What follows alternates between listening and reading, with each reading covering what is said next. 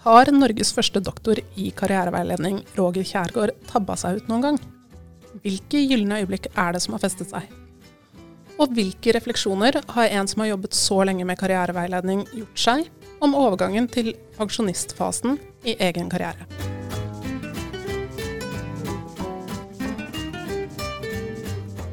Hei og velkommen til Veilederforum-podden, en podkast fra Direktoratet for høyere utdanning og kompetanse. Mitt navn er Mari Torbjørnsrud, og jeg er en av fagredaktørene for veilederforum.no, et nettsted for deg som veileder om utdanning, jobb og karriere. I dagens episode av Veilederforum-podden skal vi snakke med en person som har betydd mye for karriereveiledningsfeltet. Han er blitt beskrevet som visjonær, dristig, litt frekk og som en med solid faglig tyngde og mye integritet. Professor Roger Kjærgaard ved Universitetet i Sørøst-Norge. Rogers faglige interesser kan knyttes til tre områder. Utvikling av karriereveiledning som en velferdstjeneste i et governmentalt perspektiv. Tverrsektorielt samarbeid om karriereveiledning i et livslangt perspektiv. Karriereveiledning for utsatte og marginaliserte grupper av befolkningen.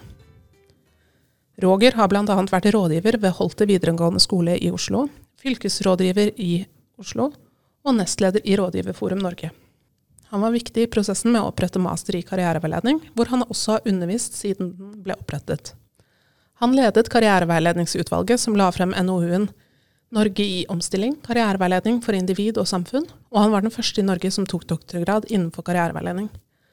Han har nylig blitt utnevnt til professor, og om kun kort tid går han av med pensjon.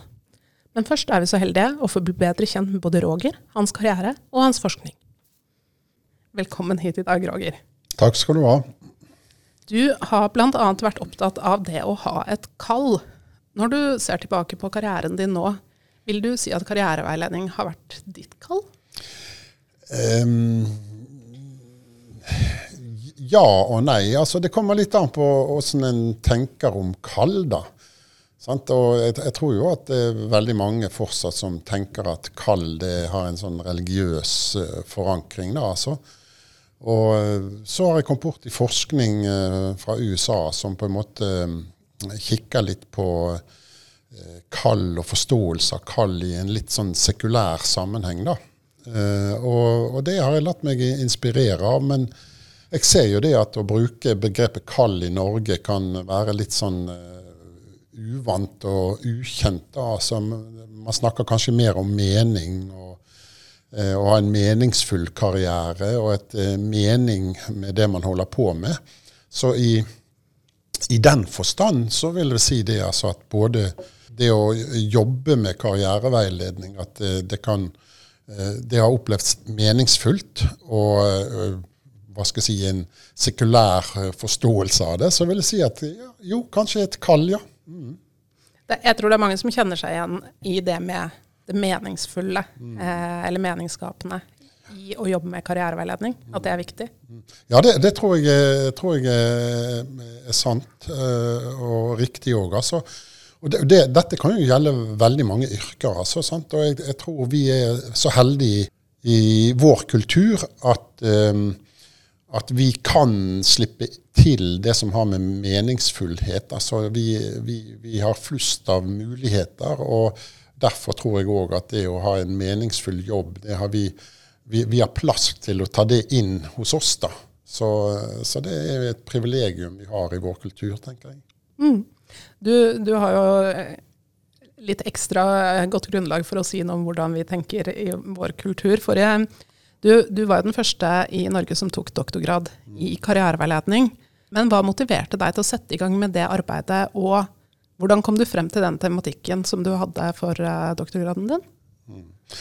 Altså, eh, jeg, jeg, tror vel på, en måte så uh, tenker jeg vel det at jeg er, sånn, jeg er ganske nysgjerrig av natur. da. Altså, Jeg har lyst til å undersøke ting. og og begi meg inn på spørsmål som jeg ikke har uh, svar på i utgangspunktet. Da, altså. Uh, det er det ene. Og det andre er vel det at det, det, det var andre folk som trodde på meg, og, og, og, tenkte at kanskje dette var noe for meg. Og da måtte jeg eh, på en måte kombinere det, min egen nysgjerrighet og det at andre folk eh, tror på meg. Så når vi da fikk tatt et familieråd på dette, så, eh, så tenkte jeg ja, men jeg skal, da våger jeg å gi meg i kast med dette. Så, så det, mm, det var vel kanskje noe av utgangspunktet. da. Og Når det gjelder eh, tematikk, så, så tok det en del tid før jeg kom fram til det. altså Fordi at jeg jeg var først opptatt av å, å, hva, hvordan ungdom tenkte om eh, utdanningsvalg, karrierevalg og yrkesvalg. Og, men jeg, jeg, opplevde på en måte at jeg ikke fikk det på plass. Altså at det, det var ikke det som, eh, som, jeg kjente Oi, dette her vil jeg virkelig grave meg dypere inn i. Inntil jeg eh, så kanskje det at jeg hadde et mer Kanskje et sånt eh, i det vi kaller i karriereveiledningen sånn en, en, Vi snakker om et sånt um, smalt perspektiv og et bredt perspektiv. At kanskje det breie perspektivet var, var viktig for meg, som kanskje går på uh, en sånn samfunnstilnærming, uh, samfunnsvitenskapelig tilnærming, og kanskje mer sosiologisk tilnærming til karriereveiledning. Så, så det var vel noe av det som uh, som inspirerte meg til å være opptatt av individ eh, og samfunnsperspektivet i karriereveiledning. Mm. Mm. Avhandlingen din eh, heter jo 'Karriereveiledningens genealogi'. Mm. Det er jo um, et tema som kan fremstå nokså komplekst mm. for mange. Ja, ja. Eh, hvis jeg skal anta noe på, på vegne av meg selv. ja. Um, men hvis du tar på deg brillene fra doktorgraden, hvilken funksjon opplever du at karriereveiledning har i dag?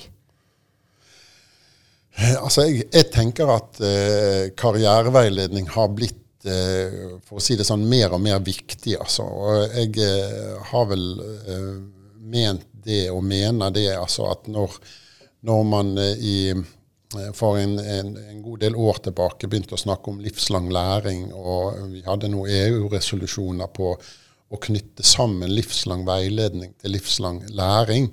Så tenker jeg at da fikk karriereveiledning et, en, hva skal jeg si, et, eh, et nytt, nytt, skyv, om du vil. Altså fordi at eh, når vi skal tenke noe i et livslangt perspektiv, så, så tenker jeg at Og vi skal prøve å, om ikke detaljplanlegge, så i alle fall ha noen tanker om overganger i, i livet, kanskje fra utdanning til arbeid, kanskje ut av arbeid osv., så, videre, så tror jeg at mange kan oppleve det godt å ha noen å prate med. altså, Så det vi kaller veiledning, eller veiledningssamtale. Da, altså. så, jeg, så, det tror jeg er, er, er, viktigere enn noen gang. Altså Nettopp fordi at vi, dette har noe med hele livet å gjøre. Hvordan opplever du at vi rammer inn og begrunner karriereveiledningstjenestene i dag? Eh, si det. Altså eh, hvordan vi rammer det inn. Og, eh, altså, jeg, jeg, tenker jo det at eh, det som har skjedd eh, nå med at eh, karriereveiledning har både kommet på den politiske dagsordenen, og, og, vi har fått helt nye kontekster der karriereveiledning utøves. Eh, det være seg i Nav, karrieresentre, i, i, fengsler og i skole. Jeg har jo det vært det tradisjonelle, da. Så, så tenker jeg at um, um, det kanskje kan være vanskelig å definere hva konkret karriereveiledning er, fordi at det kommer til uttrykk i mange ulike kontekster, og der blir det vektlagt ulike ting. Men i min opplevelse av karriereveiledning så er jeg bruk, pleier å bruke begrepet hva er nedslagsfeltet til karriereveiledning. Og Da vil jeg si at fortsatt så er det arbeid og utdanning. Det er på en måte kjerneområdene som karriereveiledning skal eh, hva skal jeg si, omhandle. da. Og, og, når vi ser dette i et livslangt perspektiv, så har det jo veldig mye med livet å gjøre i sin uh, Hva skal jeg si i, på, på generell grunnlag òg, altså. Fordi at utdanning og arbeid, og ut av uh, utdanning og inn i utdanning, og ut av arbeid og inn i arbeid, det har med livet å gjøre. Sånn, så, så, på en måte så, så tenker jeg at eh, eh, hvordan vi rammer inn karriereveiledning, det, det, det har med, med utdanning, arbeid og livet å gjøre, tenker jeg. Mm. Hvilken eh, utvikling håper du på videre? For du, I avhandlingen din så, så du på eh, karriereveiledning i et veldig langt tidsperspektiv. Mm. Du var tilbake til 1600-tallet. Mm. Men, men, ser du på en måte en kontinuitet derfra til nå, og som du også håper å kunne spore videre? Mm. Ja, altså jeg, jeg, vet ikke om jeg akkurat klarer å se en kontinuitet, men jeg ser det, det jeg syns jeg ser, og det som jeg har vært opptatt av når det gjelder utvikling eller karriereveiledning, det er å se hvordan samfunnsutviklingen er med på å gi innspill til hvordan karriereveiledning utøves. Og det, det, kan jo vi bare si, eh, se på ulike metodiske tilnærminger til karriereveiledning, at det har endret seg veldig. da. Og i vår tid så, så tenker jeg at, um, at uh, vi òg kommer til å oppleve Vi opplever, og vi kommer til å oppleve samfunnsutvikling som kommer til å gi impulser til det som har med arbeid og utdanning og livet for øvrig å gjøre. Og, og, bare for å ta et sånt helt konkret eksempel nå, som kom på den hva skal jeg si, politiske dagsorden, det er jo bærekraftperspektivet. Og Nå skal det, nå er, skal det være en, en, konferanse i høst i regi av HK DIR, som, og andre har, setter det på dagsorden. Da. Og det, det, sånn tror jeg vi kommer til å oppleve mer og mer av. At det er, det er ulike eh, hva skal jeg si, forhold som skjer i samfunnet, som òg drypper, om du vil, eller som òg får konsekvenser for hvordan vi tenker om karriereveiledning. Da.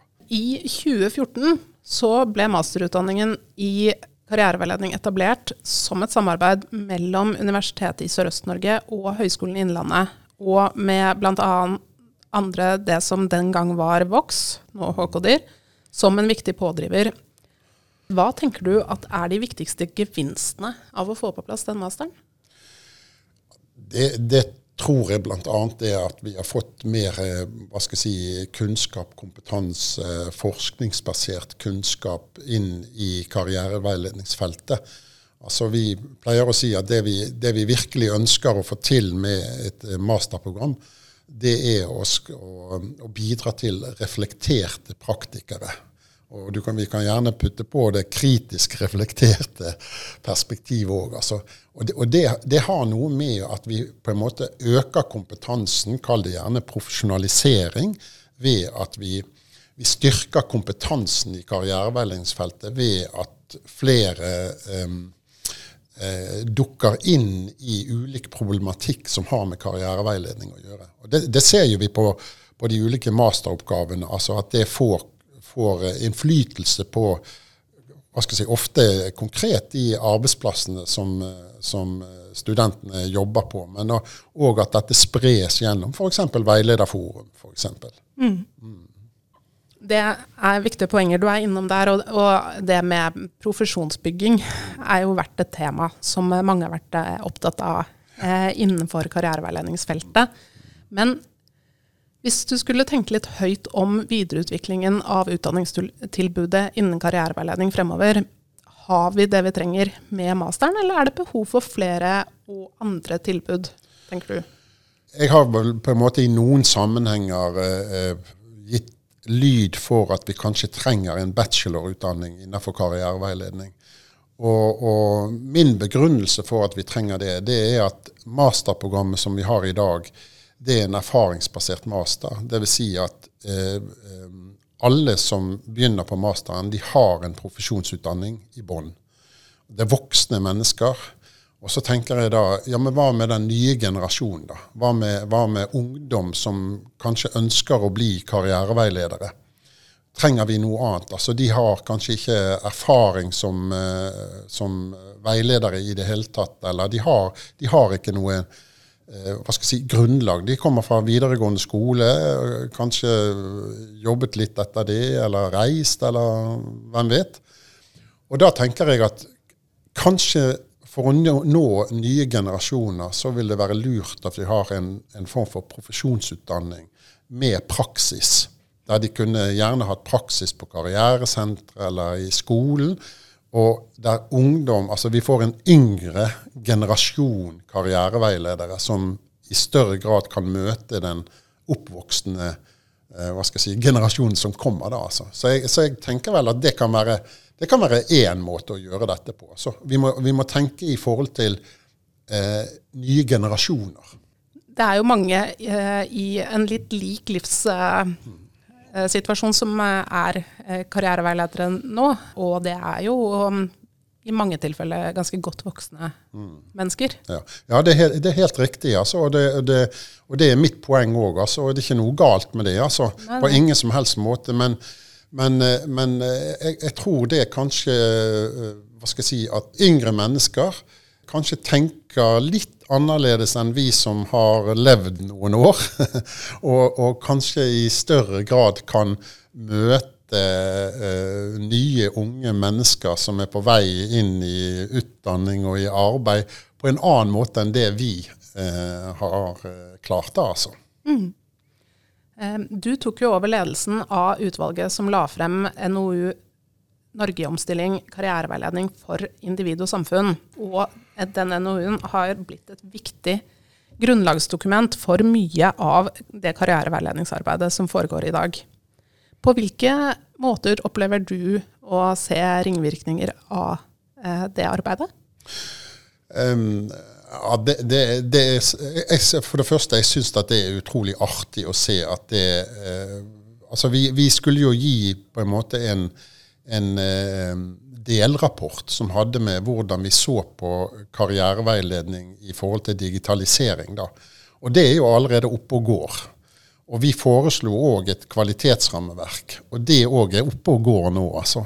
Så, så ba, bare de to sentrale eh, tinga innenfor karriereveiledning eh, hva skal jeg si, for å nå hele Norges befolkning, i alle fall eh, Eh, så mange som mulig, da, altså f.eks. gjennom det digitale og kvalitetsrammeverket med både karrierekompetanse og etikk og, og kompetanse for eh, oss som jobber med, med, karriereveiledning, og ikke minst kvalitet. Jeg tenker at det er med på å synliggjøre karriereveiledningsfeltet på en veldig god måte. Og ikke minst når, når dette her er sånn tverrsektorielt lagt eh, opp til, så, så ser jeg jo òg det altså, at det er andre sektorer som tar dette i bruk. Og det er jo veldig artig å se. altså. Mm. Men eh, er det noen um, deler av NOU-en som du opplever eh, fremdeles har potensial for å bli oppfylt? Ja, så du kan si at NOU-en var jo i, på en måte et, et initiativ for å skaffe et kunnskapsgrunnlag for politiske avgjørelser. Sånn at det vi det vi gjorde i NOU-arbeidet, det var jo å, ta en analyse av hvordan det står til med karriereveiledning innenfor ulike sektorer i Norge. Og så kom vi med anbefalinger om hvordan dette kunne operasjonaliseres. Og vi hadde jo da på en måte en sånn eh, ambisiøs tilnærming til dette, at vi ønsker å, å fremme karriereveiledning i alle sektorer. På, og, og, gi dette tilbudet eh, til hele befolkningen. Og så ser vi da at det er noen sektorer som ikke har tatt eh, tak i dette her og gjør noe med det. Så jeg tror jo det at, eh, at ulike sektorer, f.eks. Eh, høyere utdanning Forsvaret valgte jo på en måte å legge det ned og, og ha det i en, en annen hva skal jeg si, kontekst. da. At det er noen sektorer som, som har hatt karriereveiledning tidligere, som ikke lenger velger å ha det av ulike grunner.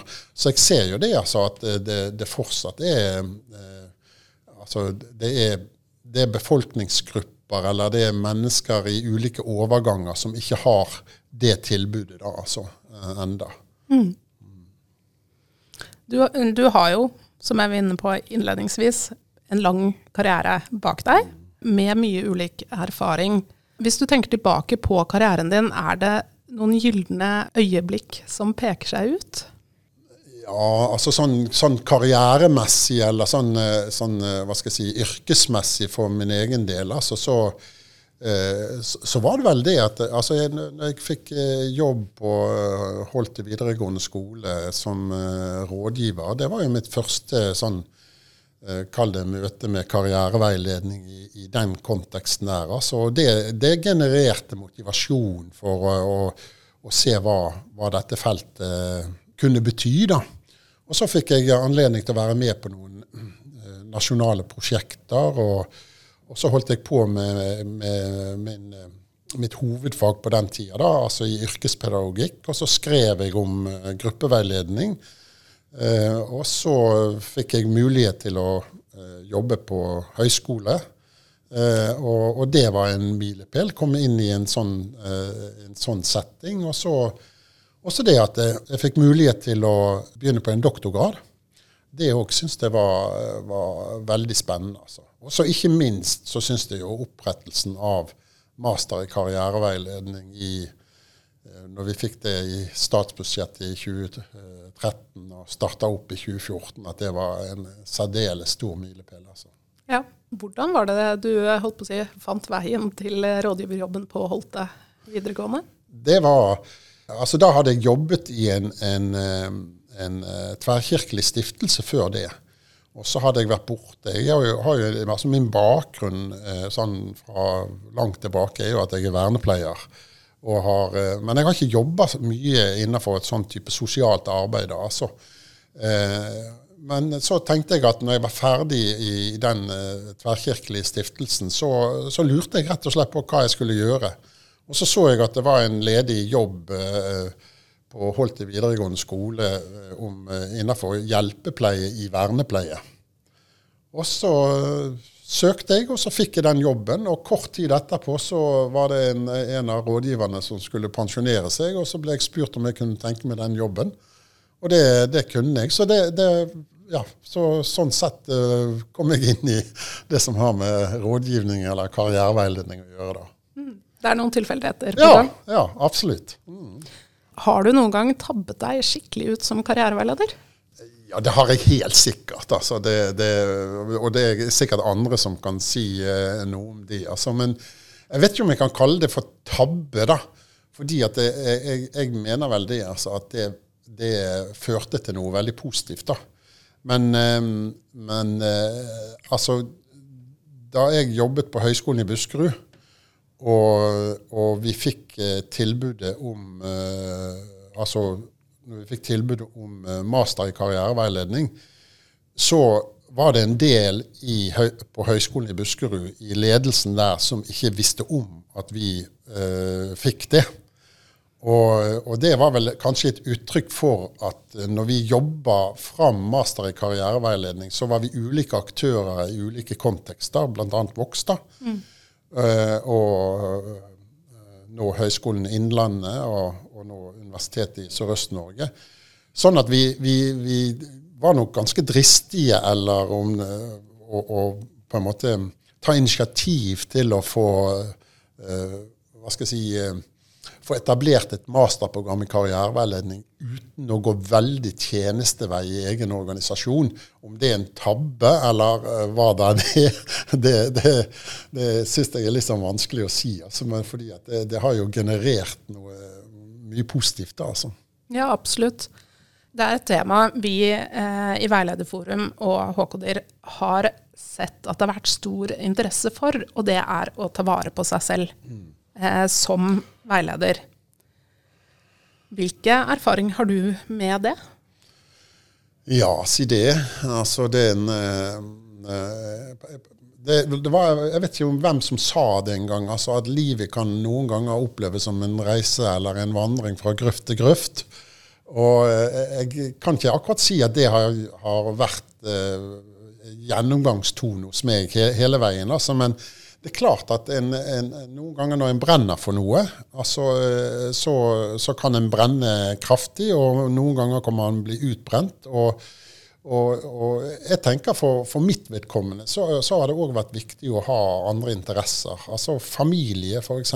Barn. Og, og nå etter hvert barnebarn òg. Altså det at, det at det ikke bare jobben som gir livet innhold og mening det, det, har for meg eh, vært avgjørende, og er avgjørende for å balansere på en måte det som har med hva skal jeg si, å, å ikke, ikke, gå helt tom, da. Altså, så, så, men jeg kan vel si det, altså, at uh, det, dette er ikke enkelt, tror jeg. Altså, Sjøl når jeg tok mitt hovedfag i yrkespedagogikk, så måtte jeg ta permisjon fordi jeg hadde tre små barn, familie, var engasjert i fritidsaktiviteter til barna. Så etter ett år så gikk jeg nesten på veggen. Altså bokstavelig talt. Altså, da måtte jeg ta pause. Så da tok jeg permisjon i ett år. Og fikk avviklet noen verv, men fikk en, en, en pustepause. Og så tok jeg ett års til permisjon. Så jeg var ute av hovedfaget i to år. Og så visste jeg at jeg skal fullføre dette. Så gikk jeg i gang. Men da hadde jeg rydda litt sånn eh, si, skog, ja, rydda litt plass til å kunne fullføre det da. Altså. Og det, det, tror jeg ikke minst tenker jeg for mange av de masterstudentene vi har i dag, altså, som gjør dette, tar master med full jobb og kanskje familie og mange andre forpliktelser. Det står respekt av det, men jeg vil vel si at det er så viktig å ta hensyn til eh, at man ikke kjører seg helt tom. Altså. Ja, absolutt. Og jeg, jeg, tenker jo at en av grunnene til at den tematikken har fenget, er fordi det er mange som kjenner på eh, at det kan bli litt mye i perioder. Ja, det, det, det skjønner jeg veldig godt. Altså. Så, så derfor òg Vi forsøker jo òg i masterprogrammet å ha en, en viss form for uh, romslighet. Altså, det vil si at vi, vi, ønsker at folk skal komme igjennom det. Vi, vi har studieveiledere, uh, og vi har uh, hva skal jeg si, vi kollegier òg ønsker på en måte å vise romslighet og handlingsrom, slik at studentene skal klare å hva skal jeg si, balansere dette her med, både med jobb og, og eventuelt familieliv. Altså. For det, det, er ikke enkelt, det. altså. Nei, og, og, det er jo en gjenkjennelig ting for folk, da. Mm, mm. Jeg har blitt fortalt at du på avslutningsseminaret, for det ble holdt et avslutningsseminar for deg på USN eh, i mai ja. eh, Da fikk du i gave et foredrag av Trond-Viggo Torgersen om det å bli eldre og pensjonist og pensjonisttilværelsen. Hvilke perspektiver og råd sitter du igjen med fra det? Ehm, for det første så må jeg si jeg ble utrolig rørt og takknemlig over at kollegaene mine eh, satte i gang og arrangerte dette her eh, avslutningsseminaret for meg. Altså Det har eh, rørt meg veldig. Og, og ikke minst når de klarte å få tak i Trond-Viggo Torgersen og en kollega av han da, som, som var der. Og jeg, jeg tenker at han kan jo kanskje oppfattes som en, eh, en humorist eh, og har mye humor òg, men, men, han har jo skrevet en bok om dette som heter 'Kroppen for eh, de voksne', eller noe i den dyr. Eh, og jeg syns det var flere ting han sa som jeg tenker kan, eh, kan være viktig. Og da, da, tenker jeg ikke bare for voksne, men, eller for pensjonister, men nå er jo jeg i den fasen der jeg skal gjøre det. da, så så han sa, jo, sa, vel det, altså, at uh, ta vare på helsa. Altså, det, det, er viktig. Altså, det er jo en erkjennelse av at jeg er i en sånn Kall det en sånn, eh, om ikke en reparasjonsfase, så iallfall en vedlikeholdsfase. da, At det er viktig å, å, å passe på kroppen. Altså, altså at uh, kropp, kroppen blir ikke mer og mer myk og bevegelig. Altså, så det er en del uh, utfordringer i forhold til det. Og så er det med med kost og drikke, altså ernæring f.eks. At det, det, det, er ikke nødvendig å, å verken overspise eller overdrikke. Så, så, så, elementer i forhold til det. Og så er det å ha altså, Om en har familie, så er det viktig. Og, og ikke minst det sosiale. Altså ha venner som man, man er sammen med. Altså fylle fylle hverdagen med det som gir energi, det som, det som gjør en godt. Da, altså At, at en òg har fokus på det. Det tenker jeg er viktig. og Det, det håper jeg at uh, jeg og vi skal få til, å ha en sånn uh, en, en, meningsfylt uh, hva skal jeg si, Kall det alderdom eller pensjonisttilværelse. da. Ja, ja. ja, for du har jo vært en ganske travel og aktiv fyr som har hatt mye å holde holder på med eh, innenfor karriereveiledningsfeltet og ellers òg, ja. helt sikkert. Men eh, føles det rart? Og nå skulle ja, altså jo. Det er rart og rart. Nå har jeg hatt en prosess eh, sånn over et års tid der jeg sa til kollegaene mine at jeg kom til å gå av nå denne sommeren her, da. Så, så, så, eh, det rare er vel egentlig på litt sånn ulike nivåer, da, tenker jeg. Altså, Én ting er det å selve jobben som karriereveileder. Og det jeg har sagt uh, i forhold til det, det er det at jeg er ikke lei karriereveiledning, men jeg er litt mett. Altså i den forstand at jeg har vært i felt i veldig mange år, og så ser jeg på en måte nå at nå er det mange uh, altså Feltet utvikler seg. Uh, og jeg har mange gode kollegaer som, som bærer dette videre på, på sin måte, og det, det, er flott at de gjør. Og den, den, andre dimensjonen i det er jo på en måte at jeg, at jeg nesten Det, det som jeg kanskje syns er mest rart, det er at jeg er blitt så gammel. at, at, jeg Oi, nå skal jeg pensjonere meg, altså. Det, det, det, tenker jeg er litt sånn Ja, det er litt rart, altså, på, på ene måten. Og så kan jeg kjenne Jeg kjenner ikke så mye nå, men litt tidligere når jeg tenkte på det, så kunne jeg kjenne litt sånn vemod ved det òg. Og vemod er vel på en måte forbundet med det at nå har jeg kommet så langt i livet mm. at jeg har mer liv bak meg enn foran meg. Og Det, det syns jeg kan være litt sånn vemodig. Men samtidig så er det en naturlig utvikling. Men allikevel vemodig, da. Ja, det kan jeg godt forstå. Ja helt på tampen av, eh, av, arbeidsdelen av karrieren din, så ble du professor. Ja. Mm. Det er jo eh, stort. Ja, det, ja jeg, jeg, er enig i det, altså. Så jeg har jo blitt eh, oppmuntra til å kvalifisere meg til å bli professor i karriereveiledning. Da. Så, det, eh, så, så grunnen til at det òg har tatt litt tid eh, før jeg eh, fikk det, det var at jeg, at jeg i 2017, eh, ble syk. da, At jeg måtte ha en, en lengre pause.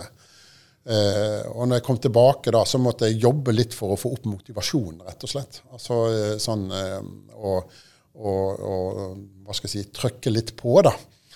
Og, men når jeg kom i gang med det og, og så hva jeg tydelig hva jeg mangla for å kunne kvalifisere meg, da, altså, så, så, ble jeg veldig målretta og disiplinert. Så jeg er jo veldig takknemlig for at eh, det jeg har gjort, at det kvalifiserer til, eh, til et opprykk til professor. da. At jeg kan, kan avslutte der, da. ja, men jeg har forstått det som at du ikke avslutter helt 100% men at du blir å finne litt på USN fremover òg? Ja, altså jeg, jeg, har jo ikke tenkt å være en sånn syvende far i hus, altså. Det er sånn, eller en som sitter i et horn på veggen. Det, det kommer jeg ikke til å være. Men uh, i vår sammenheng, altså i sånn universitetssektoren, så har vi noe som kalles sånn emeritusordninger. da.